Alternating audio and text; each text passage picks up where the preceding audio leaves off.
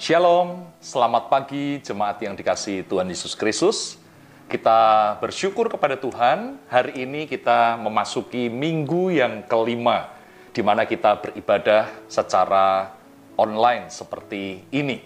Saya berdoa supaya hal ini tidak mengurangi gairah kita, semangat kita untuk beribadah, tetapi justru kita semakin sungguh-sungguh mencari Tuhan. Dan percayalah bahwa kehidupan kita, kerohanian kita akan menjadi semakin kokoh dan semakin kuat bersama dengan Tuhan. Mari sebelum kita mendengarkan firman Tuhan, kita akan berdoa terlebih dahulu. Bapak yang baik, kami mengucap syukur karena hari ini adalah hari yang Tuhan berikan bagi kami untuk kami beribadah secara khusus dalam ibadah raya minggu di rumah kami masing-masing. Kami percaya bahwa lawatan Tuhan pasti terjadi atas seluruh jemaatmu dan seluruh umatmu yang ikut bersama-sama beribadah pada pagi hari ini.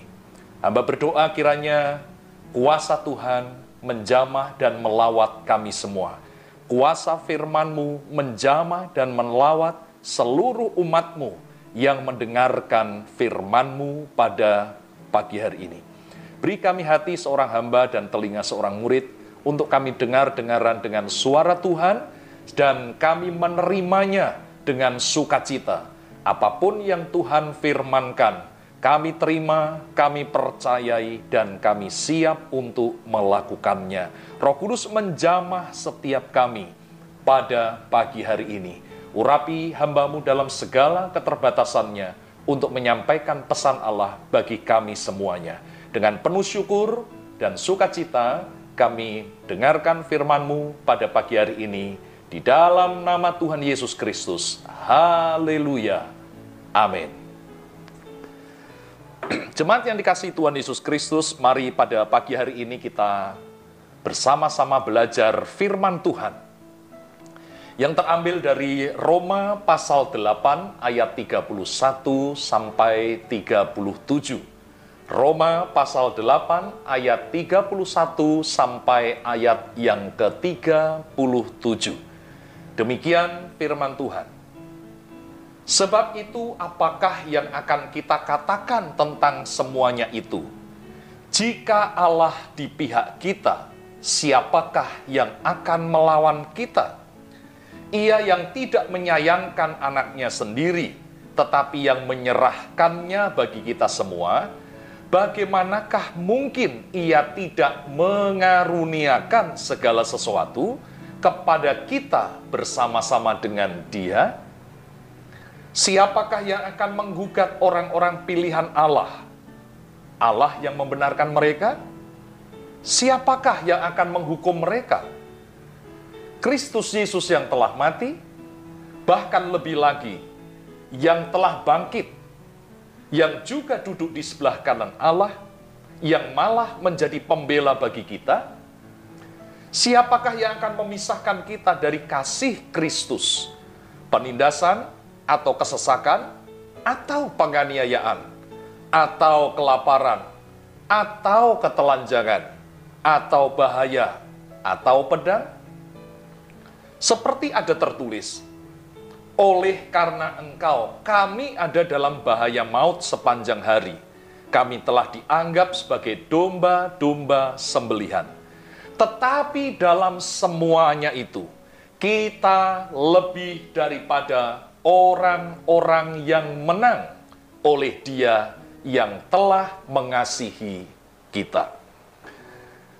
Saudara yang dikasih Tuhan Yesus Kristus, kita sudah melewati masa peringatan kematian Tuhan Yesus Kristus atau Jumat Agung. Kita sudah melewati masa Paskah, peringatan kebangkitan Tuhan Yesus Kristus, dan kita sedang menantikan masa peringatan kenaikan Tuhan Yesus ke sorga.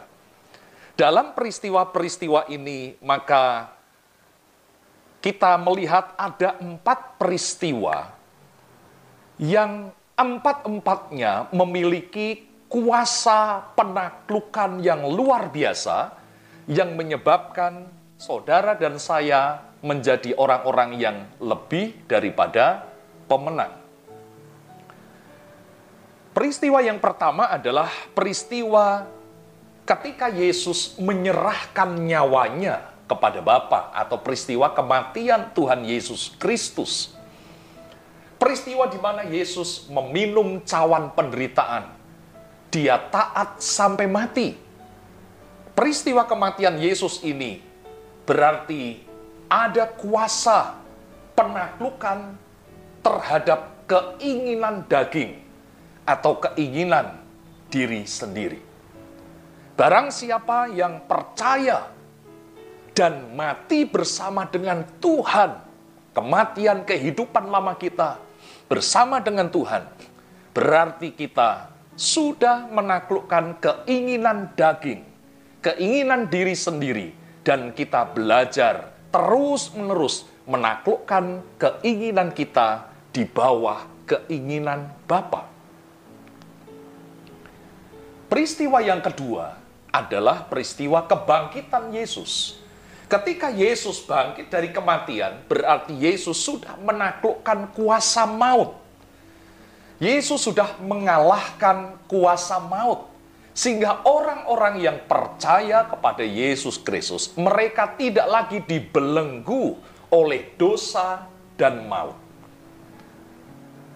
Saudara dan saya, kita adalah orang-orang yang sudah menang bersama dengan Tuhan, dibangkitkan bersama dengan Tuhan, menikmati kuasa kebangkitan Tuhan Yesus Kristus.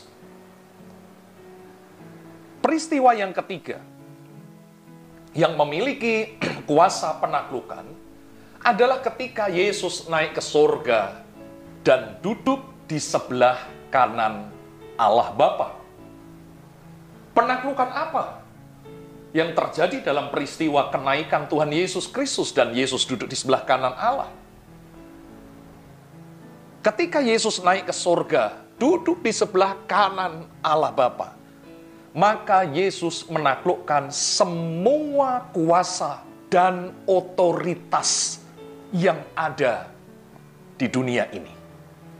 Karena Yesus adalah pemegang otoritas tertinggi, pemegang kuasa tertinggi maka siapa pun kita, saya dan saudara, ketika kita percaya pada Yesus yang mati, Yesus yang bangkit, dan Yesus yang naik ke surga, yang karyanya diterima oleh Allah Bapa, maka kita menikmati kuasa kebangkitan Yesus dan kita juga menerima otoritas atau kuasa dari Tuhan Yesus Kristus. Itu yang menyebabkan kita bisa menjadi pribadi-pribadi yang lebih daripada pemenang. Kemudian peristiwa yang keempat, di dalam Roma 8 ayat 34 yang kita baca tadi, bahwa Yesus menjadi pembela bagi saya dan saudara. Yesus menjadi pembela, artinya Yesus menaklukkan semua persoalan hidup yang harus kita hadapi. Yesus tidak mengatakan, atau firman Tuhan tidak mengatakan bahwa kita terlepas dari semua persoalan hidup. Tidak. Kita masih saja menghadapi persoalan demi persoalan hidup yang harus kita jalani, tetapi ketika kita menghadapinya, kita tidak menghadapi sendirian. Ada Tuhan yang bersama dengan saya dan saudara. Tuhan yang sudah menang, dan Tuhan itulah yang berjanji kita bisa melewati masa-masa sulit, persoalan, dan pergumulan hidup kita. Oleh karena kemenangan Yesus inilah, dan oleh kepercayaan kita kepada Yesus yang bangkit, Yesus yang naik ke surga, dan Yesus yang menjadi pembela kita, maka kita memiliki status yang baru. Status yang baru itu adalah di dalam ayat yang ke-37, kita ini lebih daripada orang-orang yang menang. Kita bukan hanya menjadi pemenang, tetapi kita lebih daripada orang-orang yang menang atau lebih daripada pemenang. Ini adalah status baru yang harus kita terima berlaku dalam diri kita dengan iman. Kita bukan hanya menjadi pemenang, tetapi lebih daripada pemenang. Ini adalah status baru yang Tuhan beri bagi kita. Dan saudaraku sekalian, tidak ada orang yang disebut sebagai pemenang atau lebih dari pemenang tanpa sebuah perjuangan. Itu sebabnya ini memberikan pengertian yang baru, paradigma yang baru, bahwa memang kita masih harus menghadapi pergumulan, kesulitan.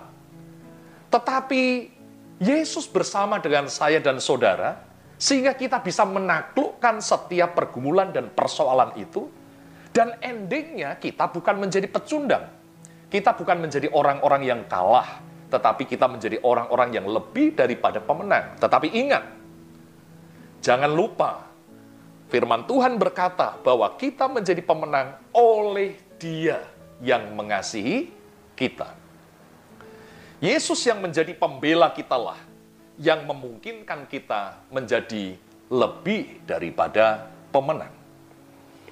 Nah, saudara yang dikasih Tuhan Yesus Kristus, mungkin kita bertanya, Pak, apa sih artinya Yesus menjadi pembela kita? Saudara-saudara, kalau di dalam bahasa aslinya kata pembela itu adalah entincano. Dan menariknya adalah kata pembela entincano ini dalam semua hampir semua terjemahan bahasa Inggris itu diterjemahkan sebagai pendoa syafaat. Pendoa syafaat. Jadi yang dimaksud dengan Yesus menjadi pembela kita, artinya Yesus menjadi pendoa syafaat bagi saya dan saudara. Betapa luar biasanya yang mendoakan kita bukan orang, tetapi yang mendoakan kita adalah Tuhan. Doa yang luar biasa. Dan yang menarik adalah kata ini ternyata dikenakan juga untuk Roh Kudus dalam Roma 8 ayat 27. Dan di dalam Ibrani 7 ayat 25, kata ini diterjemahkan dengan pengantara. Jadi kalau begitu, Yesus sebagai pembela, dia adalah pendoa syafaat saya dan saudara. Dia menjadi pengantara saudara dan saya. Dan apa yang dilakukan oleh Yesus sama dengan karya Roh Kudus di dalam hidup saya dan saudara. Kita memiliki sebuah kekuatan yang tidak pernah meninggalkan kita. Mungkin orang bertanya, di mana Yesus yang engkau percayai itu? Yesus ada di sorga. Tetapi dia memberikan rohnya, roh kudus, berdiam di dalam hidup kita. Dan roh itulah yang memberikan kemampuan dan kekuatan bagi saya dan saudara. Dengan demikian, karya Tuhan Yesus Kristus itu mencakup masa lalu di mana Yesus mati dan bangkit, tetapi juga mencakup masa kini, di mana Yesus duduk di sebelah kanan Bapa dan berdoa syafaat terus-menerus bagi saya dan saudara. Dan apa yang dilakukan oleh Yesus ini dilakukan terus-menerus sampai kita semua memperoleh keselamatan yang penuh. Kalau kita ngerti ini, saudara-saudaraku sekalian, masih adakah yang harus kita cemaskan? Masih adakah sesuatu yang mencemaskan, mengkhawatirkan kita? Harusnya tidak ada. Karena Yesus terus-menerus menopang saya dan saudara. Jemaat yang dikasih Tuhan Yesus Kristus, apa bukti jaminan bahwa Yesus membela kita? Jaminan yang pertama adalah Yesus telah mati bagi kita di atas kayu salib. Dia membenarkan kita, mengampuni kita, melepaskan kita, membebaskan kita, menggantikan kita yang harusnya mati kekal. Supaya kita diselamatkan, diberkati, dan mendapat bagian dalam kerajaan Tuhan. Saudara, ini sudah more than enough. Lebih dari cukup. Apa yang dilakukan oleh Yesus Kristus. Dia ingin saya dan saudara menikmati pemeliharaan kerajaan surga yang hebat dan luar biasa itu. Jaminan yang kedua, Yesus menjadi pembela kita adalah Yesus sudah bangkit bagi kita. Yesus karyanya tidak berakhir di kuburan. Tetapi Yesus bangkit dan hidup selama-lamanya. Banyak tokoh-tokoh di dunia yang menjadi pembela generasi mereka. Salah satunya adalah Mahatma Gandhi, seorang tokoh yang hebat luar biasa. Dia menjadi pembela bagi generasinya sampai meninggal pada usia 80-an tahun.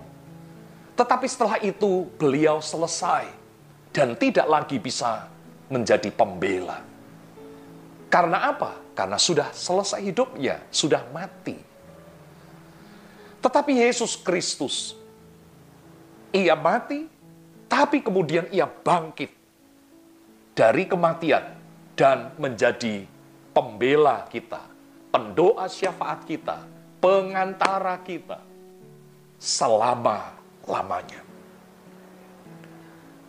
Peristiwa yang ketiga yang menjadi jaminan bahwa Yesus menjadi pembela kita adalah Yesus duduk di sebelah kanan Allah Bapa. Dia memiliki otoritas atas segala sesuatu.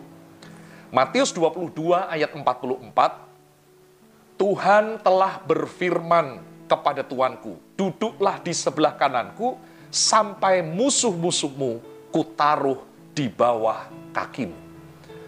Jadi Yesus pemegang otoritas tertinggi dan ketika Yesus akan naik ke surga, Yesus berkata, segala kuasa diberikan kepada para murid-muridnya. Setiap orang percaya diberi kuasa oleh Tuhan.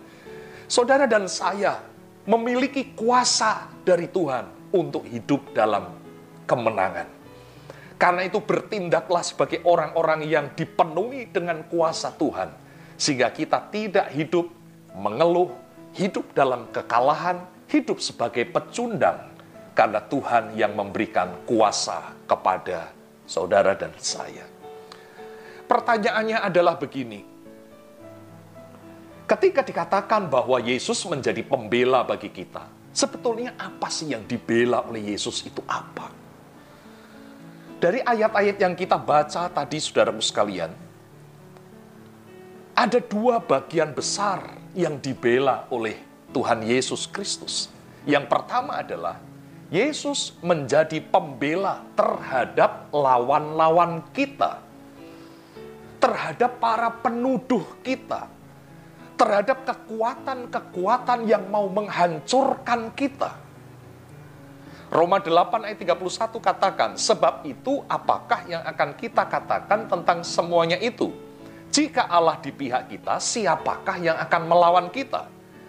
Saudara, lawan kita bukan darah dan daging. Lawan kita itu bukan manusia yang kelihatan ini.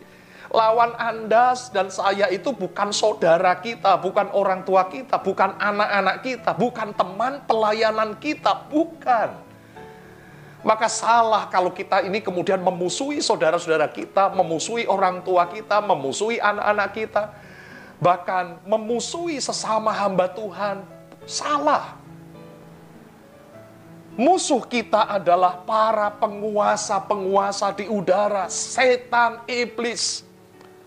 Dan terhadap kekuatan-kekuatan itu Tuhan membela kita. Sehingga kita tidak jatuh karena godaan mereka. Tuhan menjadi pembela saya dan saudara terhadap lawan kita. Ingat sekali lagi, lawan kita bukanlah manusia yang kelihatan. Ingat baik-baik. Kemudian yang kedua, kehidupan yang dibela itu adalah Tuhan membela kita dalam persoalan hidup sehari-hari.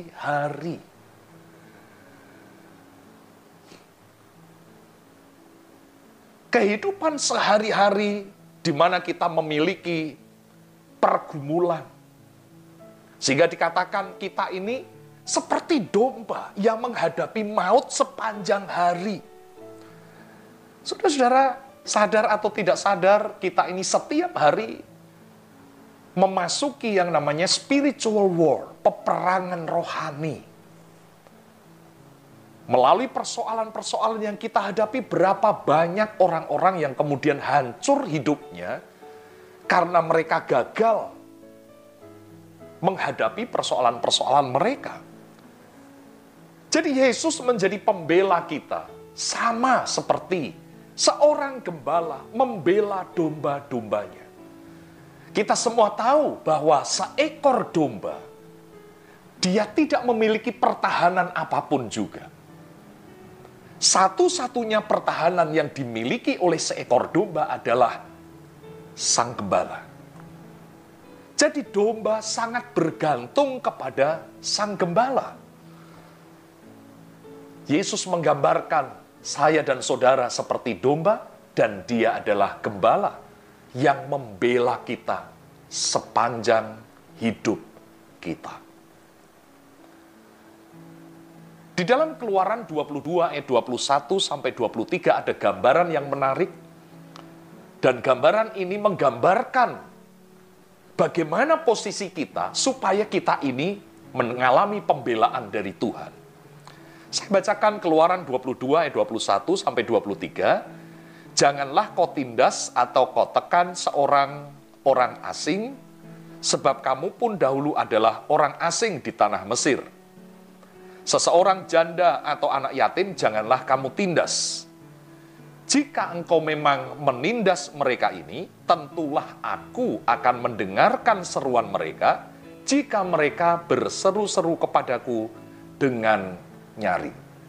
Allah menjadi pembela bagi orang asing, bagi janda dan anak yatim. Jikalau mereka ditindas oleh orang lain. Saudara, orang asing, janda, dan anak yatim itu gambaran kita sebetulnya. Gambaran kita orang-orang yang percaya. Orang asing itu artinya pendatang. Bukankah saya dan saudara adalah orang asing di dunia ini, pendatang di dunia ini? Karena kewargaan kita adalah kewargaan sorga. Di dunia ini kita hanya sementara, tapi sorga itu adalah kekal bagi saya dan saudara. Jadi kita ini adalah seperti orang asing. Yang kedua, gambaran seorang janda yang tua. Ya. Janda yang tua itu adalah seorang yang sudah tidak lagi mengumbar hawa nafsu ini adalah gambaran saya dan saudara. Sebagai orang percaya kita ini adalah orang-orang yang sudah menyalipkan daging. Daging kita sudah disalibkan bersama-sama dengan Yesus di atas kayu salib. Sehingga kita tidak lagi hidup di dalam daging. Dan anak yatim artinya anak yang tidak berbapa. Dulu saya dan saudara adalah orang-orang yang diperbudak oleh dosa sehingga Yesus mengatakan iblislah yang menjadi bapamu. Tetapi ketika kita percaya pada Tuhan Yesus Kristus, kita memutus hubungan dengan iblis, bukan lagi iblis menjadi bapa kita, kita menjadi milik Tuhan Yesus Kristus sepenuhnya. Jadi tiga karakter inilah yang memungkinkan Yesus menjadi pembela kita, yaitu apabila kita menyadari kita ini orang asing di dunia rumah kita di sorga. Kita tidak lagi mengumbar hawa nafsu. Kita menyalipkan daging kita. Dan iblis tidak lagi menjadi Bapa kita. Kalau kita memiliki karakter seperti ini, maka kita akan mengalami pembelaan yang sempurna dari Tuhan. Pembelaan yang sempurna seperti yang disebutkan di dalam ayat 35 kita akan mengalami tujuh kesempurnaan pembelaan Yesus. Yang pertama adalah kita akan dibela oleh Yesus ketika kita mengalami penindasan atau tekanan hidup. Hari-hari ini kalau saudara menghadapi tekanan hidup, ingatlah Yesus mau membela engkau.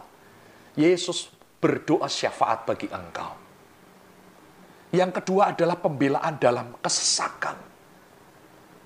Dalam keadaan terjepit ada orang-orang yang mengalami kebutuhan dan tidak bisa memenuhinya. Dia tersesak, terjepit.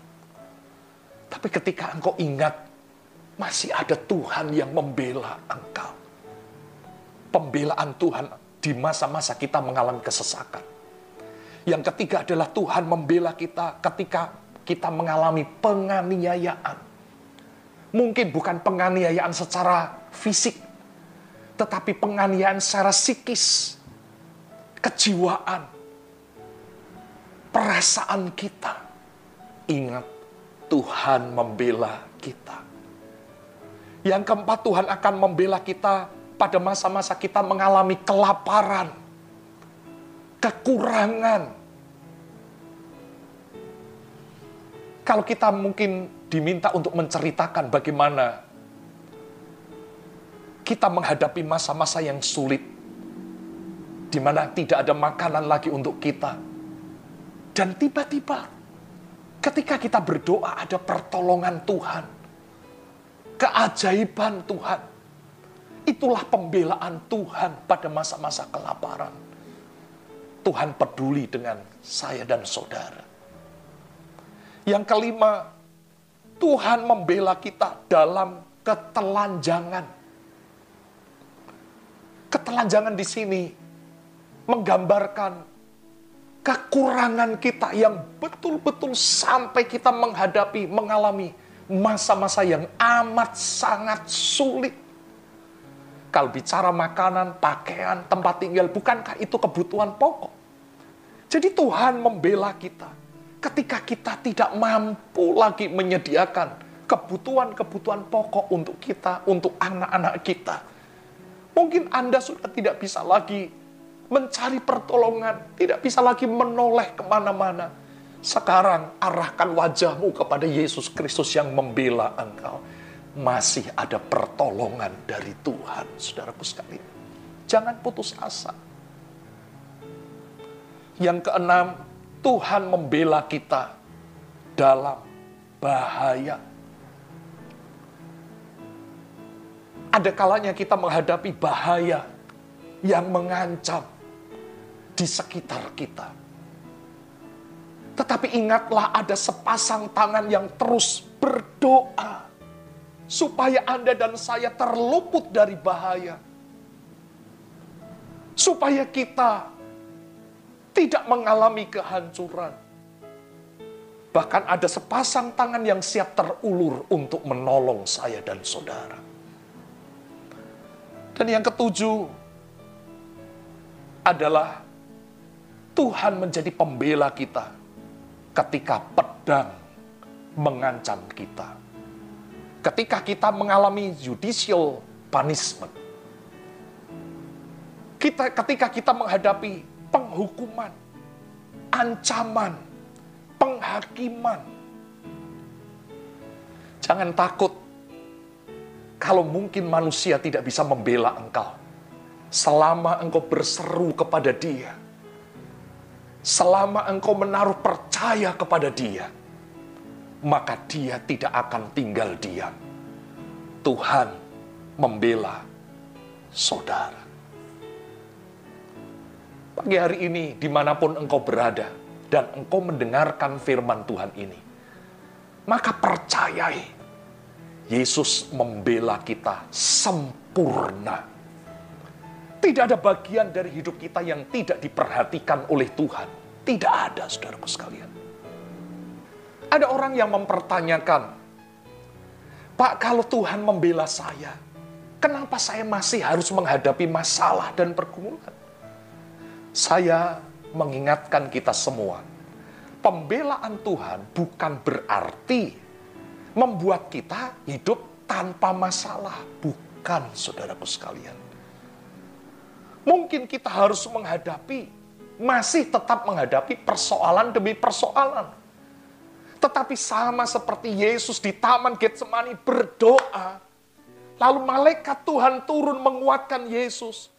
Yesus yang tadinya gentar, sekarang Yesus punya keberanian, kekuatan untuk pikul salib. Salibnya tidak hilang, tapi dia yang sudah dirubah.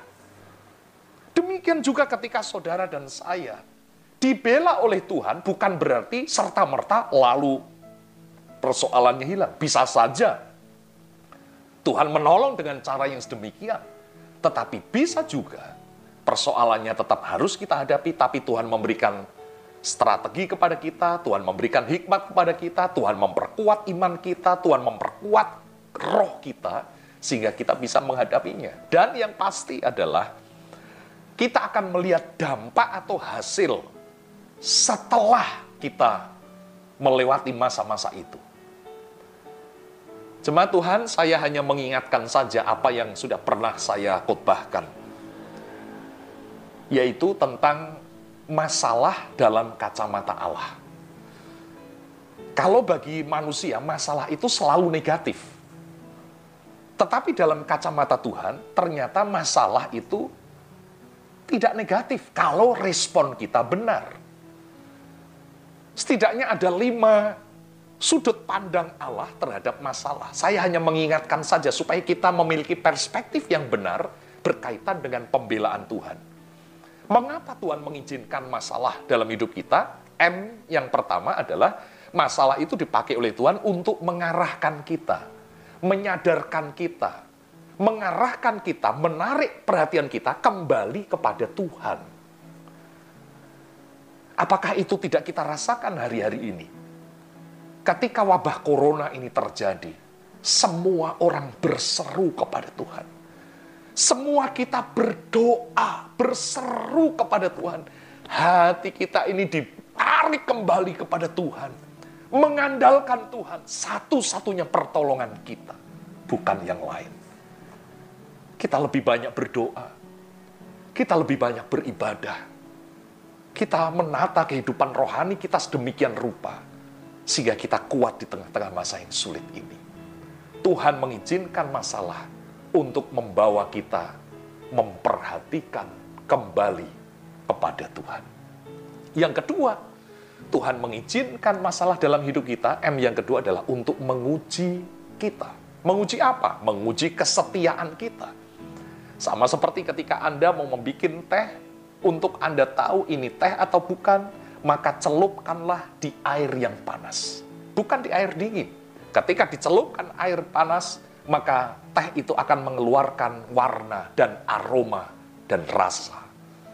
Demikian juga, kesetiaan kita, iman kita akan terbukti ketika kita dicelupkan di dalam panasnya persoalan. Yang ketiga, kenapa Tuhan mengizinkan masalah dalam hidup kita? M yang ketiga adalah masalah itu dipakai Tuhan untuk mengoreksi kita. Ada pelajaran-pelajaran yang hanya dapat kita peroleh melalui masalah. Mungkin waktu kecil kita seperti kebanyakan anak kecil, orang tua melarang kita, nak jangan pegang setrika, setrika itu panas. Tapi kita tidak pedulikan itu. Kita tetap pegang. Baru setelah kita melepuh, baru kita ngerti, oh ya betul, setrika itu panas. Jadi ada pelajaran-pelajaran yang hanya dapat kita pelajari melalui masalah atau penderitaan, bahkan kegagalan. M yang keempat, kenapa Tuhan mengizinkan masalah? Masalah itu dipakai oleh Tuhan untuk melindungi kita. Saudara-saudara, sadarkah kita? Ini bagian yang kadang-kadang kita tidak pikirkan. Ada kalanya Tuhan memberikan kita masalah untuk meluputkan kita dari masalah yang lebih besar. Sama seperti gambaran yang pernah saya sampaikan, ada seorang berdiri di pinggir jalan. Lalu tiba-tiba dia merasakan kakinya gatal. Ternyata ketika dia lihat kakinya digigit oleh semut merah. Maka kemudian dia bergeser satu meter ke sebelah kanan. Gara-gara menghindari dari semut merah itu. Dan dalam hitungan beberapa detik ketika dia bergeser ke sebelah kanan, satu meter sebelah kanan, Tiba-tiba sebuah mobil nyelonong dan menabrak bagian di mana tadinya dia berdiri di situ. Coba kalau seandainya tidak ada semut yang menggigit dia, maka dia tetap ada di situ dan dia akan mati tertabrak mobil itu. Tuhan izinkan semut menggigit kakinya untuk membuat dia pindah untuk menyelamatkan dia dari kematian. Itu sebabnya ketika kita menghadapi masalah, jangan buru-buru menyalahkan Tuhan dan keadaan. Jangan-jangan engkau menghadapi masalah karena Tuhan mau meluputkan engkau dari masalah yang lebih besar lagi. Dan M yang terakhir, Tuhan mengizinkan masalah adalah untuk menyempurnakan kita. Tuhan peduli dengan pembentukan karakter kita. Bagi Tuhan untuk menyingkirkan masalah dari hidup kita mudah. Tetapi Tuhan mau membuat karakter kita terbentuk sebagai anak-anak Tuhan. Untuk mengeluarkan orang Israel dari Mesir hanya Tuhan hanya butuh waktu satu malam, saudaraku sekalian. Tetapi mengeluarkan Mesir dari dalam diri orang Israel, Tuhan butuh 40 tahun. Pembentukan karakter Tuhan peduli dengan itu. Saudara-saudaraku sekalian, pembelaan Tuhan atas kita tersedia di setiap musim hidup kita. Ya, ada musim-musim di dalam hidup kita, ada kalanya kita menghadapi musim seperti musim dingin, ada kalanya kita menghadapi musim seperti musim gugur, rontok semua. Tetapi bukankah ada juga musim semi, ada juga musim panas. Nah, musim-musim itu menggambarkan keadaan hidup kita. Dan Tuhan ada di dalam setiap keadaan hidup kita. Baik masa-masa senang maupun baik masa-masa tegang. Baik masa-masa kita berlimpah atau masa-masa kita susah. Dan justru masa-masa yang sulit merupakan masa-masa kita untuk memilih lebih percaya kepada Tuhan. Itu sebabnya saya akan bacakan ayat yang terakhir sebagai penutup khotbah saya pada pagi hari ini. Yesaya 41 ayat 10a. Mari bersama-sama kita baca. Dua, tiga. Janganlah takut sebab aku menyertai engkau. Sekarang kita rubah perkataan ini. Kata aku dirubah dengan Tuhan, dan engkau dirubah dengan saya. Mari kita baca sekali lagi. Dua, tiga. Janganlah takut, sebab Tuhan menyertai aku. Tuhan beserta dengan saya dan saudara. Tuhan menjadi pembela saya dan saudara. Tuhan memberkati kita semua. Amin. Mari kita berdoa. Kami telah mendengarkan firman-Mu ya Tuhan. Kami percaya bahwa iman timbul dari pendengaran dan pendengaran oleh firman Kristus. Maka Tuhan sekarang bangkitkan iman kami untuk kami mempercayai bahwa kami punya seorang pembela, pengantara, pendoa syafaat yaitu Tuhan Yesus Kristus, melalui roh kudusnya yang ada di dalam hidup kami, yang tidak pernah meninggalkan kami. Kami lebih daripada pemenang, oleh karena Tuhan yang mengasihi kami. Menolong kami menghadapi lawan-lawan kami yang mau menghancurkan hidup kami. Penguasa-penguasa di udara yang mau menghancurkan hidup kami tapi sekaligus Tuhan juga membela kami dalam persoalan hidup kami sehari-hari. Tidak ada bagian yang Tuhan tinggalkan. Tuhan mengerti hidup kami. Tuhan peduli dengan kami. Tuhan ada bersama dengan kami di setiap musim kehidupan kami. Maka sekarang Tuhan arahkan wajahmu bagi setiap anak-anakmu yang mendengarkan firman Tuhan pagi hari ini. Dari tempat ini aku berdoa di dalam nama Tuhan Yesus Kristus. Tuhan menjamah mereka. Tuhan melawat mereka. Kalau hari ini ada di antara umatmu yang sedang berbeban berat. Mereka sedang bergumul. Mereka tidak tahu lagi dari mana datang pertolongan itu. Tuhan, biarlah mereka pagi hari ini menadahkan muka dan tangan mereka kepada Engkau, dan Tuhan membela mereka. Kami percaya Tuhan menyertai kami dan tidak pernah meninggalkan kami. Kami bersyukur kepada Engkau Tuhan Yesus Kristus. Kami bersyukur untuk firman-Mu. Kami akan menjalani hidup kami sekalipun melewati masa-masa yang sulit. Kami tidak takut karena ada tangan Tuhan yang memegang kami. Ada janji-janji Tuhan yang menopang kami. Ketika kami percaya, maka jadilah janji-janji Tuhan dalam hidup kami. Kami bersyukur untuk firman-Mu. Hamba selesai berbicara pada pagi hari ini, Roh Kudus yang akan melanjutkan karya ini dalam hati setiap kami. Terpujilah nama Tuhan, di dalam nama Tuhan Yesus Kristus, kami berdoa, bersyukur untuk firman-Mu. Haleluya. Amin. Shalom, selamat pagi jemaat yang dikasih oleh Tuhan Yesus Kristus. Kita bersyukur kepada Tuhan hari ini kita bisa beribadah kembali di rumah kita masing-masing bersama dengan seluruh keluarga. Kita memuji Tuhan, menyembah Tuhan, menaikkan doa-doa kita, dan kita mendengarkan suara Tuhan. Kita percaya bahwa firman Tuhan itulah yang memberi kekuatan bagi kita di tengah-tengah masa yang sulit yang sedang kita hadapi hari-hari ini.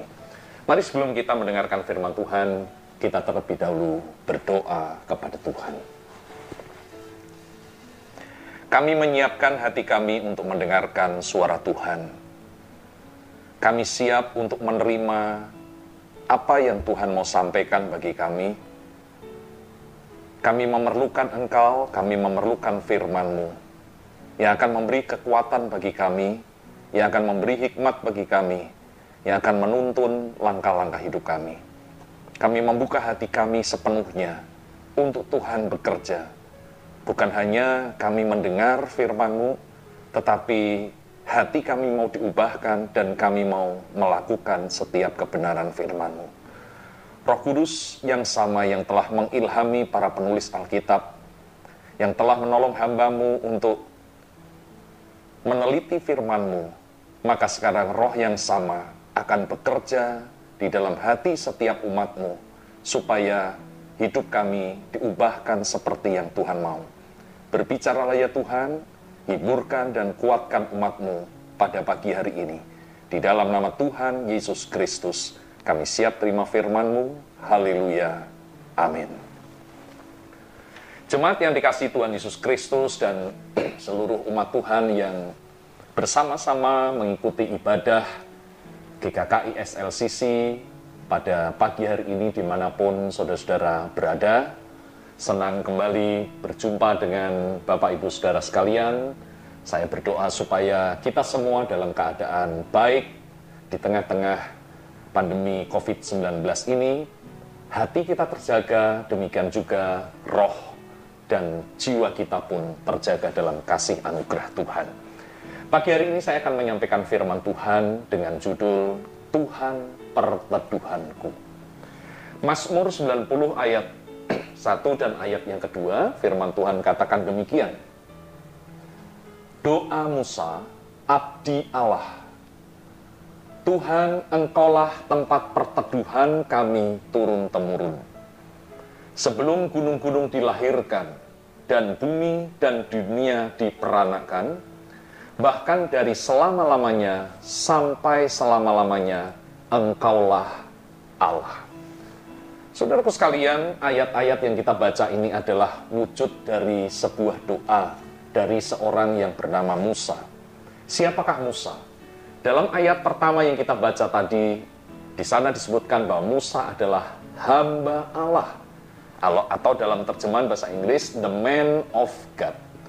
Jadi manusianya Allah ini menyadari bahwa dia butuh untuk berdoa dan berseru kepada Tuhan. Dan dalam doa Musa yang adalah manusianya Allah, the man of God ini, dia mendeklarasikan keyakinan iman berdasarkan pengalaman yang dia hadapi. Dia mengatakan bahwa Tuhan adalah tempat perteduhannya turun-temurun. Kenapa Musa mengatakan bahwa Tuhan adalah tempat perteduhannya? Kalau kita melihat bagaimana kehidupan Musa, maka kita akan bisa memahami kenapa dia mengatakan Tuhan adalah tempat perteduhannya. Saudara-saudaraku sekalian, Musa adalah seorang yang tidak memiliki negeri sendiri. Karena ketika dia melarikan diri dari Mesir karena membunuh seorang Mesir karena membela umat Israel, maka dia melarikan diri di Midian dan di Midian pun dia adalah seorang pendatang. Bahkan ketika dia memimpin orang Israel masuk ke tanah Kanaan, membawa orang Israel menuju ke Kanaan, dia sendiri pun tidak diizinkan masuk ke Kanaan oleh Allah. Jadi Musa dalam hidupnya dia adalah seorang pendatang. Dan di dalam Alkitab bukan hanya Musa saja yang menjadi seorang pendatang, kita juga melihat misalkan saja Abraham. Abraham adalah seorang pendatang di negeri Kanaan. Bahkan saudaraku sekalian sampai matinya, maka dia hanya memiliki pekuburan keluarga di tanah Kanaan.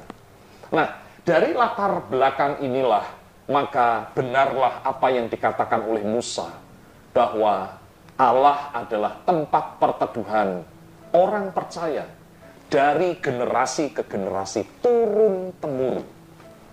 Kalau begitu, saat ini kita pun masih bisa mengatakan bahwa Allah itu adalah Allah bagi kita dan dia adalah tempat perteduhan kita sampai saat ini. Kata turun temurun atau dari generasi ke generasi berarti Musa menyadari bahwa Allah adalah tempat perteduhan, tempat perlindungan yang sudah teruji oleh waktu dan berbagai macam keadaan. Ada begitu banyak kejadian yang membuktikan bahwa di tengah-tengah keadaan yang sulit itu, Tuhan menolong, Tuhan menjaga, Tuhan melindungi, dan apa yang dilakukan oleh Tuhan teruji dari dulu, sekarang, bahkan sampai selama-lamanya. Itu sebabnya kita pun bisa mengimani bahwa Allah adalah Allah yang sudah teruji menjadi tempat perteduhan bagi umatnya.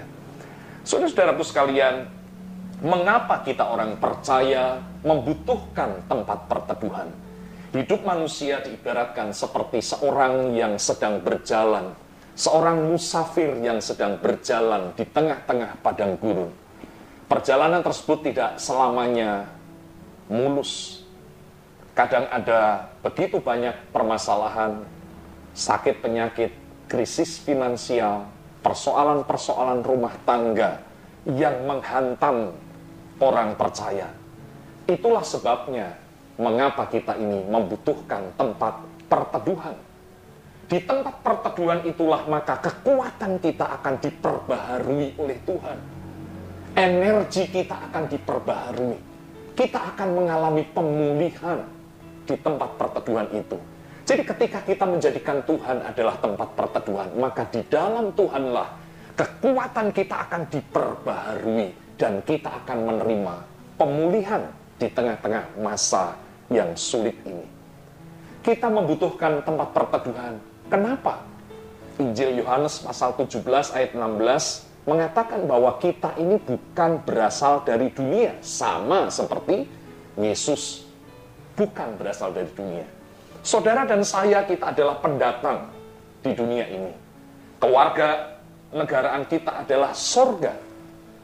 Dan sebelum kita sampai di sana, sementara kita masih ada di dunia ini, maka kita membutuhkan tempat perteduhan karena dunia bukanlah tempat yang aman bagi kita. Kita pendatang dan ada begitu banyak tantangan dan serangan dalam hidup kita. Kita membutuhkan kekuatan. Kita membutuhkan kekuatan yang diperbaharui. Kita membutuhkan pemulihan dari Tuhan. Siapa yang harus menjadi perteduhan kita?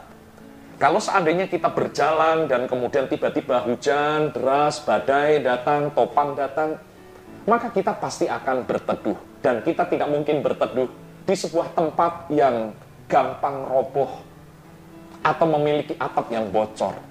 Kita tentu akan berteduh di sebuah tempat yang cukup lebar atapnya, kokoh dan tidak bocor, sehingga kita aman berada di bawahnya. Di dalam hidup kita, satu-satunya tempat perteduhan dan perlindungan yang aman adalah di dalam Tuhan. Saudara-saudaraku sekalian, tidak ada tempat yang aman di dunia ini. Hanya di dalam Tuhanlah tempat yang paling aman untuk kehidupan kita. Mazmur 91 ayat yang ke-9 mengatakan demikian. Sebab Tuhan ialah tempat perlindunganmu yang maha tinggi telah kau buat tempat perteduhanmu kalau kita melihat Mazmur 91, maka kita melihat bagaimana Tuhan meluputkan, Tuhan menghindarkan dari bahaya. Dimulai dari apa? Ketika kita benar-benar berlindung dan menjadikan Tuhan adalah tempat perteduhan kita. Saudara-saudaraku sekalian, pemazmur mengenal siapa Allahnya. Allah yang penuh kasih dan rahmat Allah yang maha kuasa dan penuh berkat. Maka kemudian di tengah-tengah pergumulan hidup yang dia alami, yang diibaratkan seperti sedang berjalan di tengah-tengah padang gurun, maka dia berlari kepada Allah. Allah yang memberikan keluputan dan kelegaan dalam setiap situasi kehidupan yang dia alami.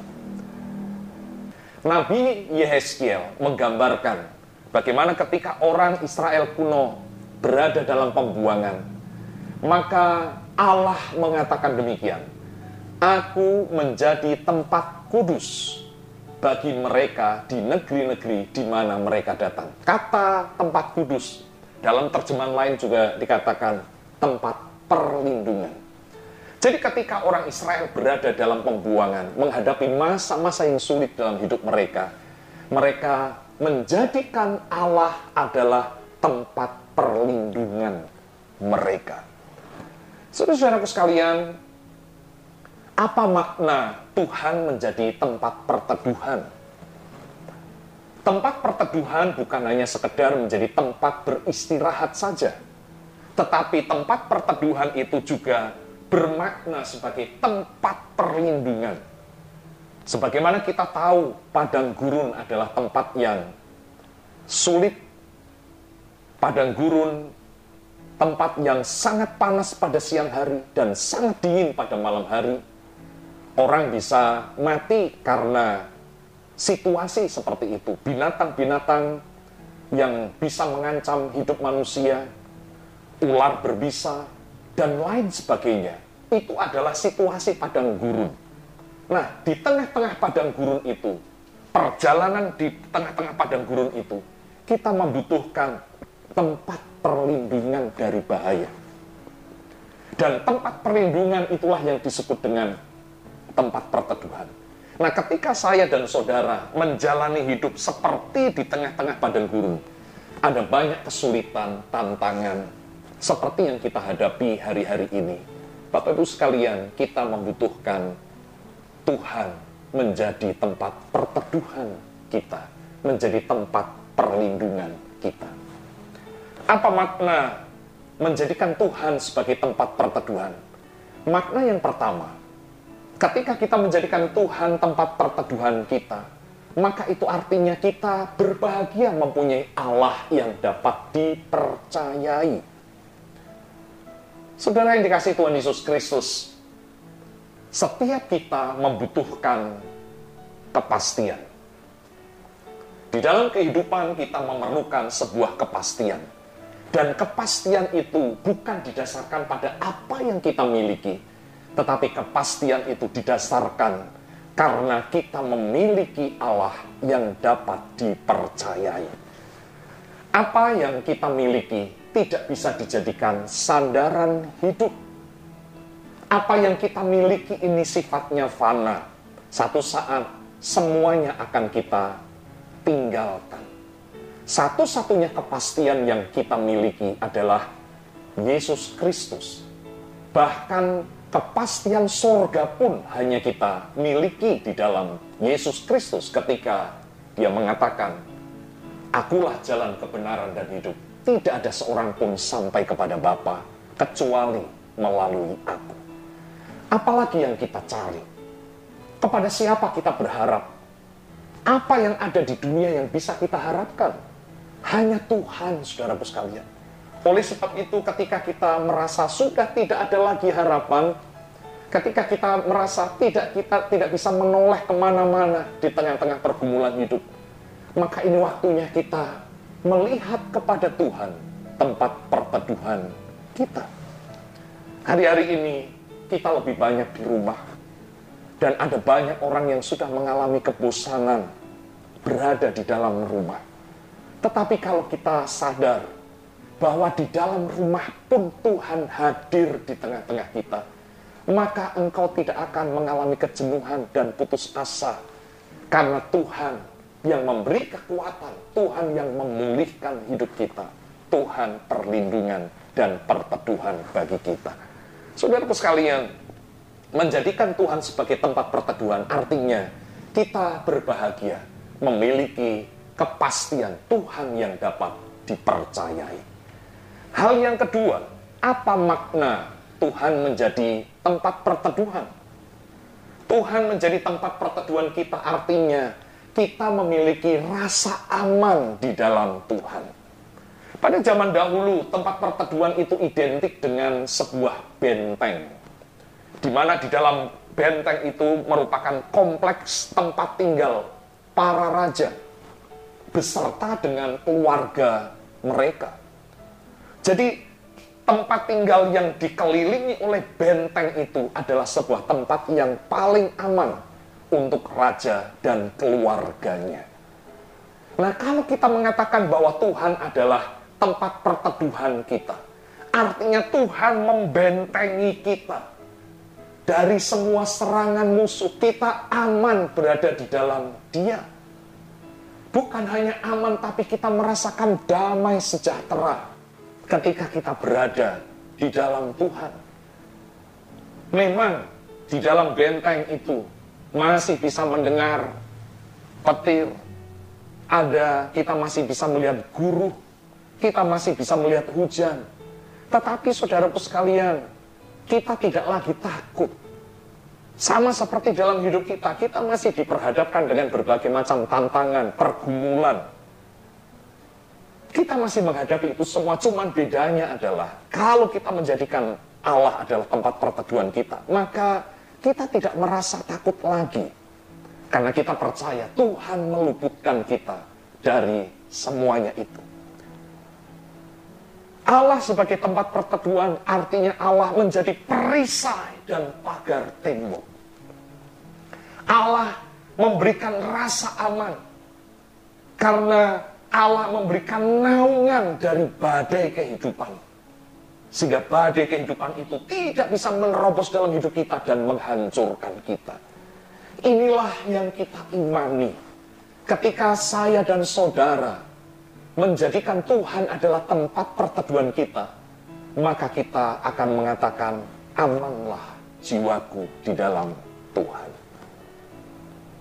Makna yang ketiga, Tuhan tempat perteduhanku adalah bahwa Tuhan memberikan jaminan pemeliharaan kepada saya dan saudara. Filipi 4 ayat yang ketujuh, firman Tuhan katakan demikian. Damai sejahtera Allah yang melampaui segala akal dan pikiran, itulah yang memelihara hati dan pikiranmu di dalam Kristus Yesus Tuhan kita. Perhatikan kata memelihara. Di dalam terjemahan bahasa Inggris, kata memelihara itu dituliskan garrison. Yang kalau dalam bahasa Indonesia diterjemahkan dengan garnison. Apa itu garnison? Garnison adalah pasukan yang ditempatkan untuk mengawal kota. Jadi saudaraku sekalian, perkataan Tuhan memelihara hati dan pikiran kita Artinya Tuhan menjaga hati dan pikiran kita sedemikian rupa. Seperti tentara yang mengawal kota. Allah dan para malaikatnya mengawal kita, menjaga kita. Kalau begitu siapa yang dapat mengalahkan? Kalau saudara dan saya memiliki Allah dan para malaikatnya yang menjaga kita, maka tidak ada satu kuasa jahat yang bisa meraih kita. Itu sebabnya Paulus mengatakan, kalau Allah di pihakku, siapa lawanku? Tidak ada. Saudaraku sekalian, sementara kita menyadari bahwa Tuhan membentengi kita, Tuhan memelihara kita, Tuhan menjaga kita seperti tentara yang mengawal kota maka kita bisa semakin memahami dan menyadari bahwa jiwa kita, hidup kita aman di dalam Tuhan. Maka kita bisa mengatakan sama seperti sebuah lagu. It is well with my soul. It is well, it is well with my soul. Jiwa kita baik-baik saja. Jiwa kita baik-baik saja berada di dalam Tuhan. Hal yang keempat, makna Tuhan menjadi tempat perlindungan kita adalah bahwa Tuhan menjaga kita pada masa-masa kesesakan yang kita hadapi. Mazmur 32 ayat yang ketujuh. Engkaulah persembunyian bagiku. Terhadap kesesakan engkau menjaga aku. Engkau mengelilingi aku sehingga aku luput dan bersorak. Apa yang dikatakan oleh pemazmur ini menjelaskan kepada kita bahwa ketika kita hidup mungkin ada waktunya kita mengalami kesesakan kita menghadapi kebutuhan yang begitu mendesak sedangkan kita mungkin tidak punya kemampuan untuk menyediakannya. Kita mungkin mengalami kesesakan di tengah-tengah pekerjaan kita, kita mengalami himpitan. Mungkin kita menghadapi kesesakan dalam situasi hidup sehari-hari. Anda begitu tersesak, Anda dan saya begitu tersesak. Nah, pada masa-masa kesesakan, di mana kita sudah tidak lagi bisa melihat dari mana pertolongan kita? Pada saat seperti itulah Allah tampil, Allah turun tangan bagi kita. Menjadi perteduhan bagi kita yang menjaga kita, meluputkan kita dari kesesakan itu. Pergumulan kita mungkin berat. Bagi beberapa orang, hari-hari ini menjadi masa-masa yang sangat sulit. Mungkin ada di antara kita yang beribadah pagi hari ini mengatakan, betul Pak, saya sedang dalam keadaan yang sangat sulit, saya sangat tersesat. Pendapatan yang saya terima tidak cukup untuk kebutuhan sehari-hari. Saudara, apakah Allah akan tinggal diam? Tidak. Allah tidak akan tinggal diam. Sebagai perteduhanmu dan perteduhanku, dia tidak akan tinggal diam. Firman Tuhan menjamin, aku luput dan bersorak. Masa-masa yang sulit, masa-masa perkabungan, masa-masa yang menggentarkan ini, Tuhan akan rubah menjadi keluputan yang membawa sorak-sorai dan sukacita. Saudaraku sekalian, tidak ada yang mampu menggoyahkan orang percaya yang aman berada di dalam genggaman Tuhan. Selama Tuhan menjadi tempat perteduhan kita, maka kita aman di sana dan tidak ada yang sanggup menggoyahkan kita. Puji nama Tuhan. Pada bagian yang terakhir dari apa yang saya sampaikan pada pagi hari ini, saya ingin membaca bilangan pasal 6 ayat 24 sampai 26 Nanti setelah itu kita akan membaca bersama-sama dengan merubah sedikit kata engkau menjadi aku. Tuhan memberkati engkau dan melindungi engkau. Tuhan menyinari engkau dengan wajahnya dan memberi engkau kasih karunia. Tuhan menghadapkan wajahnya kepadamu dan memberi engkau damai sejahtera. Saudaraku sekalian, ini adalah berkat imam yang disampaikan kepada orang Israel. Saya percaya bahwa kita orang-orang yang menerima Yesus Kristus sebagai Tuhan dan Juru Selamat, kita adalah virus Israel. Israel yang benar, umat pilihan Allah. Maka kita bisa mengimani dan mengamini berkat iman ini untuk kita. Oleh sebab itu, mari bersama-sama kita memperkatakan ini.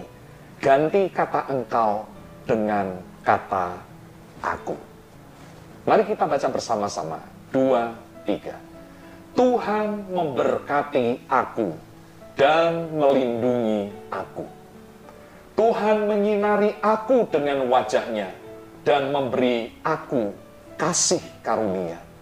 Tuhan menghadapkan wajahnya kepadaku dan memberi aku damai sejahtera. Puji nama Tuhan. Tuhan tempat perteduhan kita turun-temurun. Dari sekarang sampai selama-lamanya.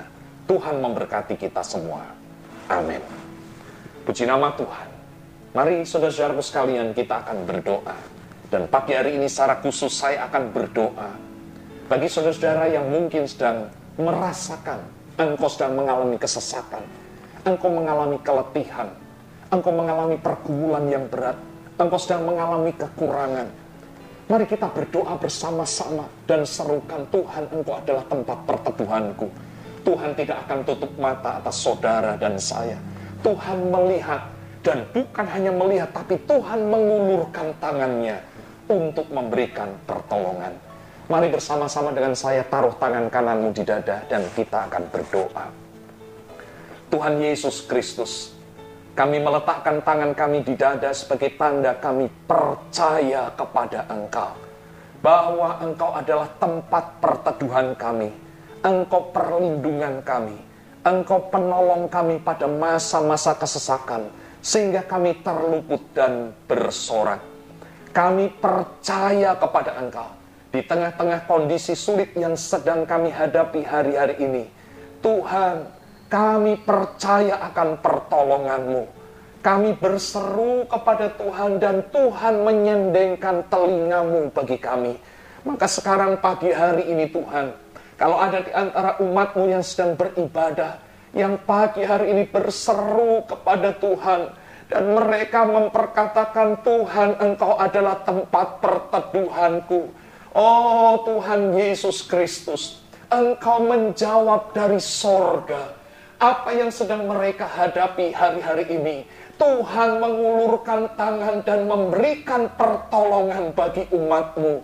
Kami percaya ketika mereka berseru kepada engkau, maka Tuhan menjawab, Tuhan menolong, maka pagi hari ini di dalam nama Tuhan Yesus Kristus, sebagaimana kami imani, sebagaimana kami percayai, sebagaimana kami perkatakan dengan mulut kami dengan iman, maka sedemikian jadinya atas hidup kami di dalam nama Tuhan Yesus Kristus.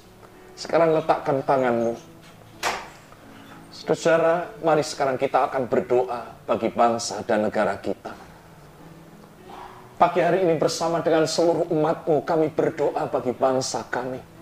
Kiranya belas kasihmu turun atas bangsa kami.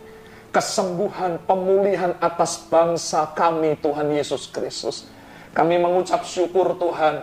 Kalau jumlah pasien corona yang sembuh sudah melampaui angka seribu dan kami percaya bahwa di hari-hari ke depan akan semakin banyak yang disembuhkan, semakin banyak yang disembuhkan, sampai akhirnya bangsa kami mengalami pemulihan.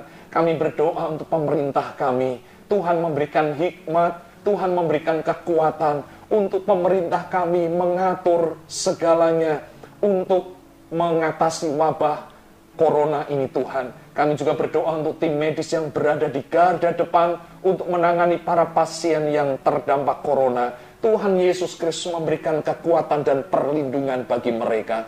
Kami juga berdoa untuk saudara-saudara kami yang sedang menghadapi kesulitan hari-hari ini. Secara khusus kami berdoa untuk saudara-saudara kami, umat muslim yang sedang menjalankan puasa hari-hari ini. Tuhan di tengah-tengah pandemi COVID-19 ini, Tuhan menolong saudara-saudara kami ini supaya mereka pun bisa menjalankan ibadah mereka dengan baik. Terima kasih Tuhan Yesus Kristus. Kami bersyukur dan menyerahkan seluruh jemaatmu dalam tanganmu. Terpujilah nama Tuhan dari sekarang sampai selama-lamanya. Engkaulah tempat perteduhan kami turun-temurun di dalam nama Tuhan Yesus Kristus. Haleluya. Amin. Selamat hari Minggu. Tuhan memberkati Bapak Ibu sekalian bersama dengan seluruh keluarga. Shalom.